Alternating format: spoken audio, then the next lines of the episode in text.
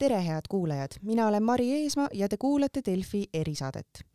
täna tuleb juttu Hiiumaa ja Vormsi ning ka seal lähedal asuvate laidude randu vallutanud masuudi reostusest. nimelt on neisse randadesse uhtunud masuut ehk siis raske kütteõli kokku on reostunud umbes seitsmekümne kilomeetri jagu rannikut mis võiks olla reostuse allikas ja kas sellised reostused on ka tulevikus äh, paratamatus, sellest olen palunud täna saatesse rääkima Meremuuseumi teaduri Ivar Treffneri, tervist!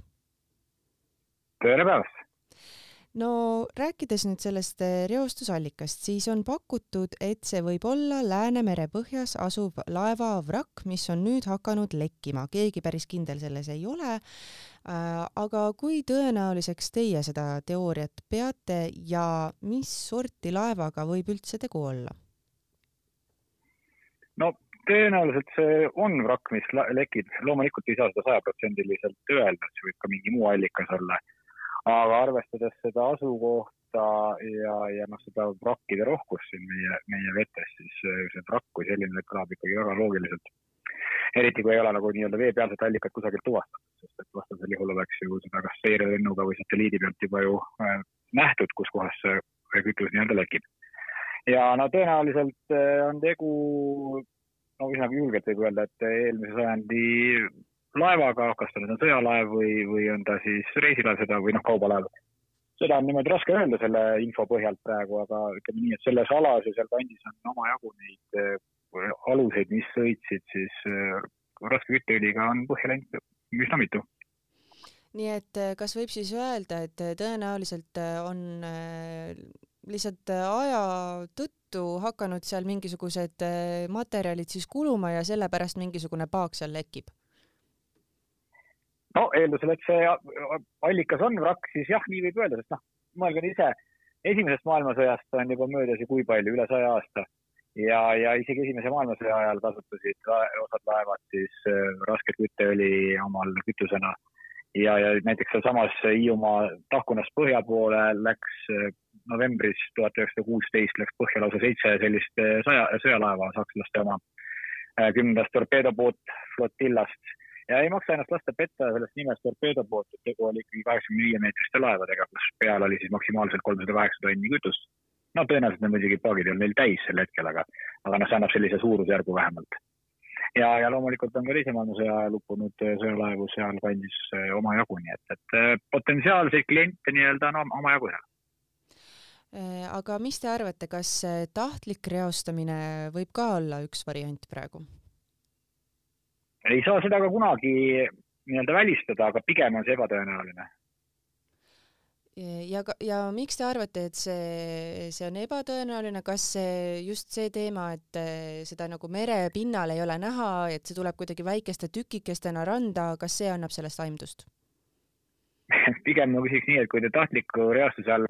kas te peate silmas seda, et keegi nagu meelega laseb äh, kütust vette, siis äh, millal te viimati kütusehindasid vaatasite et vaevalt, et seda niimoodi tehakse, et pigem on ikkagi jah, tõenäoline see, et, et kuna ta liigub pinna all, see, see reostus ja tuleb mingi koha peal alles randa, et siis, siis tõenäoliselt tuleb ikkagi vee alt no praegu oodatakse laborist siis äh, selle aine proove. mida need proovid meile näitavad, miks need olulised on? No proovida võiks, võiksid näidata ära seda, et mis ajastu kütusega tegu on, no ma ei nüüd arva, et nad panevad aasta paika täpselt, aga ütleme siis sedasi, et, et kas on tegu teise maailmasõja aegse kütusega, hilisemaga, varasemaga. Ja, ja, ja, ja teatud kütuste puhul on võimalik ilmselt ka välja peilida siis nii-öelda nende valmistamise koht või, või metoodika, et näiteks kui me võtame sakslased, siis teise maailmasõja ajal kasutasid nad kivisöest sünteesitud kütust mis on lihtsalt äh, nii-öelda omapärase keemilise jäljega ja noh, isegi kui seda nagu nuusutada, siis tal on kohe selline konkreetne väng ja lõhn juures aga praegu selle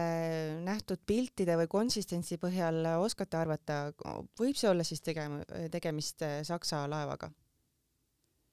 ei, nende paraku selle pildi põhjalt ei saa nagu küll midagi öelda ja ütleme nii, et ma ise neid tükke ei ole ka nuusutanud, nii et, et ei oska, ei oska sedasi küll öelda, kus see või kelle oma see on et see pigem on parem ära oodata, kuni see laborist tulevad vastused ja siis selle põhjal saab juba midagi vaadata arusaadav. Äh, käisin ka ise teisipäeval äh, Hiiumaal seda masuudireostust äh, kajastamas ja Kärdla päästekomando pealik tõdes, et tegelikult ei olegi mingit kindlust, et täna koristatud rand homme jälle reostunud ei ole. Kui palju neid lekkimisohtlikke vrakke siin meie lähiümbruses on, mis võivad potentsiaalselt meile siin randades lähiaastatel reostust tekitada? no neid vrakke on ikka kümneid ja kümneid selles suhtes, et kui me räägime kogu Eesti merealast, eks ole. et noh, kui ma just ennem mainisin, et, et ainuüksi sealsamas Hiiumaa lähistel läks, eks ole, esimese maailmasõja ajal ühe ööga seitse laeva põhja korraga. Noh, siis, siis võite ise aimata, palju neid kokku on, aga, aga ütleme nii, et erineva mm, riskitasemega vrakke on ikkagi jah, siin no, kümnetes, ütleme nii. Ja kas need kõik on siis sellise lekkimisohuga? no iga laev lõpuks ju laguneb ära vee all, paratamatus, kuigi Läänemere tingimused on selles mõttes nii metalli kui ka puidu äh, säilimiseks väga head, et ehk siis metall korroleerub siin aeglasemalt, vesi on hapnikuvaene ja nii edasi, siis äh, paratamatult äh, ükski asi pole igavene. varem või hiljem annab midagi kusagilt järele ja see ei pea muideks olema ka üldsegi niimoodi, et ta otse vette lekib, ta võib ka pinnasesse tekkida, eks poolakatel on väga suur probleem ühe teise maailmasõja aegse alusega nimega Stuttgart, kes on siis reostanud põhja ära ja seda on sealt väga keeruline kätte saada. Oskate te öelda, et eh, kaua see lekkimisoht meil kestab, et kas probleem kaob ära siis, kui kõik vrakid on ohtlikest ainetest eh, tühjaks jooksnud või saab midagi ka ennetavalt ära teha? no ja küll loomulikult saab ennatavalt ära teha, pigem on siin kõik küsimus lihtsalt rahas lõpuks, sest et see vrakkide nii-öelda hindamine, keskkonnaohtlikkuse hindamine ja kahjutuks tegemine ei ole mitte sugugi odav lõbu. Et see on üsnagi kulukas tegevus ja, ja noh, maailma praktikat vaadates siis üldiselt need summad ikkagi hakkavad, alumine ots on kuuekohaline, ülemised otsad on juba palju rohkem nulle seal taga et neid näiteid siit maailmast on päris palju, kus on, on puhastatud ja, ja tühjendatud. aga kõik sõltub, ei ole, ei ole sellist ühest äh, hinnalipikut nii-öelda, et, et tegelikult kõik on täpselt see, et oleneb alu, alusest, asukohast ja nii edasi. aga jah, selles mõttes on teil täiesti õigus, et ega ennem suht ära ei kao, kui on kas rakid kahjutuks tehtud või on nad kõik ära lagunenud ja rohkem juurde neid ei tule, et ega siis nii kaua see oht püsib kas mingi selline variant on ka reaalne, et, et need vrakid jäävad sinna merepõhja, aga need kütusepaagid siis kuidagi tehakse vee all tühjaks, et need ei jõuaks merre ja meie randadesse? No just see oligi see, mis ma mõtlesin selle keskkonna ohutuks tegemise all, ehk siis põhimõtteliselt pumbatakse Äh, võimalikult palju kütust sealt välja, selge on see, et ega sealt kõike kätte ei saa, aga lihtsalt see kogus on oluliselt väiksem, mis sinna vrakki sisse jääb ja mis siis võib nii-öelda ohtlikuks muutuda. No tegelikult me oleme ka ju varem Eesti randades näinud äh, naftareostust ähm, varem on olnud eh, vaatepilt siis selline, et see reostus on olnud sellise õlikihina veepinnal. nüüd on aga Hiiumaa ja Vormsi randades sellised mustad klimbikesed. kas te saaksite palun kuulajale väga lihtsasti ära selgitada, miks see nüüd sellisel teistmoodi kujul meie randades on? me väga lihtsalt seda seletada ei saa, selleks ähm, siin läheb juba nii-öelda keemiasse keemia valdkonnas asi, aga põhimõtteliselt on ikkagi tegu selles või vahe nagu siis selles, et äh, see, see, see kütus, mis muidu on nüüd näiteks vette lekkinud, kui ta on randa just jääb veepinnale, kuna see masuut või, või siis ütleme, raske kütteõli on tegelikult ikkagi veest äh, kergem ja, ja ta tõuseb sinna pinnale, eks ole. see nüüd, aga kui ta on külm, siis ta muutub tahkeks, ehk siis järelikult, noh, mina ütleks selle koha pealt, et ta on tulnud kusagilt külmast veest ja, ja, ja liikunud külmades veekihtides ja siis suhteliselt ranna lähedal pinda tuleb. aga see muidugi ei pretendeeri mitte mingisugusele absoluutsele tõele, vaid see on lihtsalt üks oletus. ja mille poolest see masuudi reosti, reostus äh, ohtlik võib olla, peale selle, et ta on äh, kole ja vastik ja jääb äh, riiete külge kinni, kas ta on kuidagi ohtlik ka? Absoluutselt, kui te mäletate siin varasematest reostustest, siis on ju olnud suured eh, lindude päästmise aktsioonid, eks ole, sest et vaesed linnud eh, ei oma võimalust riideid seljast ära võtta ja pesumasinasse panna, vaid nende suled tuleb lihtsalt manuaalselt inimeste poolt ära puhastada. pluss nad ei suuda lennata, aga võib-olla isegi sellist suur, noh, see on selline kohene asi, mida märgata on, eks ole. aga võib-olla pikemat vaadet nagu lahti äh, seletades, siis, siis eks ole, noh, nafta kui selline ise on kantserogeenne aine, ehk siis ta tekitab vähki ja, ja ta satub tegelikult ju elusloodusesse, kui ka kasvõi, kasvõi taimedesse, kaladesse.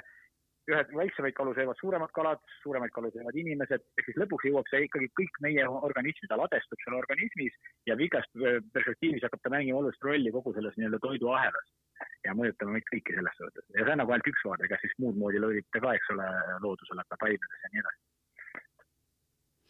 ja kuidas nüüd on, et äh, kui suudetakse ära tuvastada, mis on selle reostuse allikas, siis äh, mis siis nagu edasi peaks tegema, et äh, kas siis tuleks see konkreetne lekkiv laevavrakk sealt või selle paak siis nagu tühjaks pumbata või? sellele küsimusele saab vastata siis, kui on teada, mis meil selleks allikaks on. aga eeldusel näiteks, et see on laevavrakk,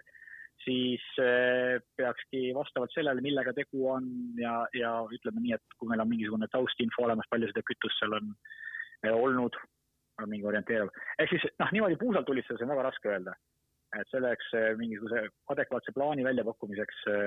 oleks vaja natukene rohkem infot, aga jah, põhimõtteliselt võiks olla üks lahendus selle vraki kas tühjaks pumpamine või siis selle lekkekoha sulgemine. noh, sulgemine on muidugi ajutine lahendus ilmselgelt, et, et noh, läheb mingi aeg mööda, hakkab uuesti lekkima, aga, aga jah, see on,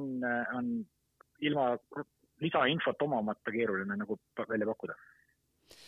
ja lõpetuseks ma küsiks nii palju, et te mainisite ka seda, et äh, Läänemeres tegelikult äh, on sellised tingimused, et äh, vrakid ei lagune väga kiiresti. palun selgitage, mis selle asja siis taga peitub ja kas see on pigem hea või halb? no oleneb kelle vaatest, eks ole. ei, pigem on see ikkagi hea, hea selles mõttes, et noh, vrakid ei lagune, meil esiteks, ütleme, kui me räägime puidust vrakkidest, mis muidugi üld, üldjuhul ei ole keskkonnaohtlikud, aga sellegipoolest nad on ajalooliselt olulised ja, ja ka nii-öelda madalama sees olles võivad ka turismiobjektid olla ja nii edasi, siis kuna Läänemere soolsus on äh, hästi madal, noh, praktiliselt olematu, siis meie vetes hetkel veel ei ela laevaoherdit. Ehk siis äh, nii-öelda puidu söö, puitu söövat ussi, mis hävitab seda puitu. Ja ka Läänemeri meres on väga palju niisuguseid äh, ütleme hapnikuvabasi tsoone, kus või väga madala hapniku tasemega. nagu teadupärast roost-, roostetamine ehk siis korrodeerumine ongi ju nii-öelda hästi aeglane põlemine, mis vajab hapnikku, et see toimuks. hapnikku ei ole, siis see korrosioon on, on pidurdunud ta ei ole lõpuni nagu nii-öelda äh, peatunud, aga ta lihtsalt toimub aeglasemalt kui muidu nii et äh, igatahes äh, kokkuvõtvalt võib siis öelda, et äh, selline reostus, mida praegu on näha Vormsil ja Hiiumaal, et äh, see ei pruugi üldsegi jääda siin äh, viimaseks meie randades? ei kindlasti, ükspuha millise, mis selle allikaks on, siis kindlasti ei jää see viimaseks reostuseks, see on paratamatus küsimus on lihtsalt selles, et kas, kas rekib äh,, lekib mingi vrakk või, või on see mingi muu allikas, aga samamoodi, ega need vrakid on mõnes mõttes nagu tiksuvad äh, kellapommid meil seal. Et mingil hetkel nad igal juhul hakkavad lekkima selge pilt, aitäh teile, Ivar Treffner, et asja selgitasite ja loodame, et siis laboriproovid annavad meile paremat seletust, millega on tegu. jaa, aga palun head kuulajad, selline saigi tänane Delfi erisaade, aitäh, et kuulasite ja kuulmiseni!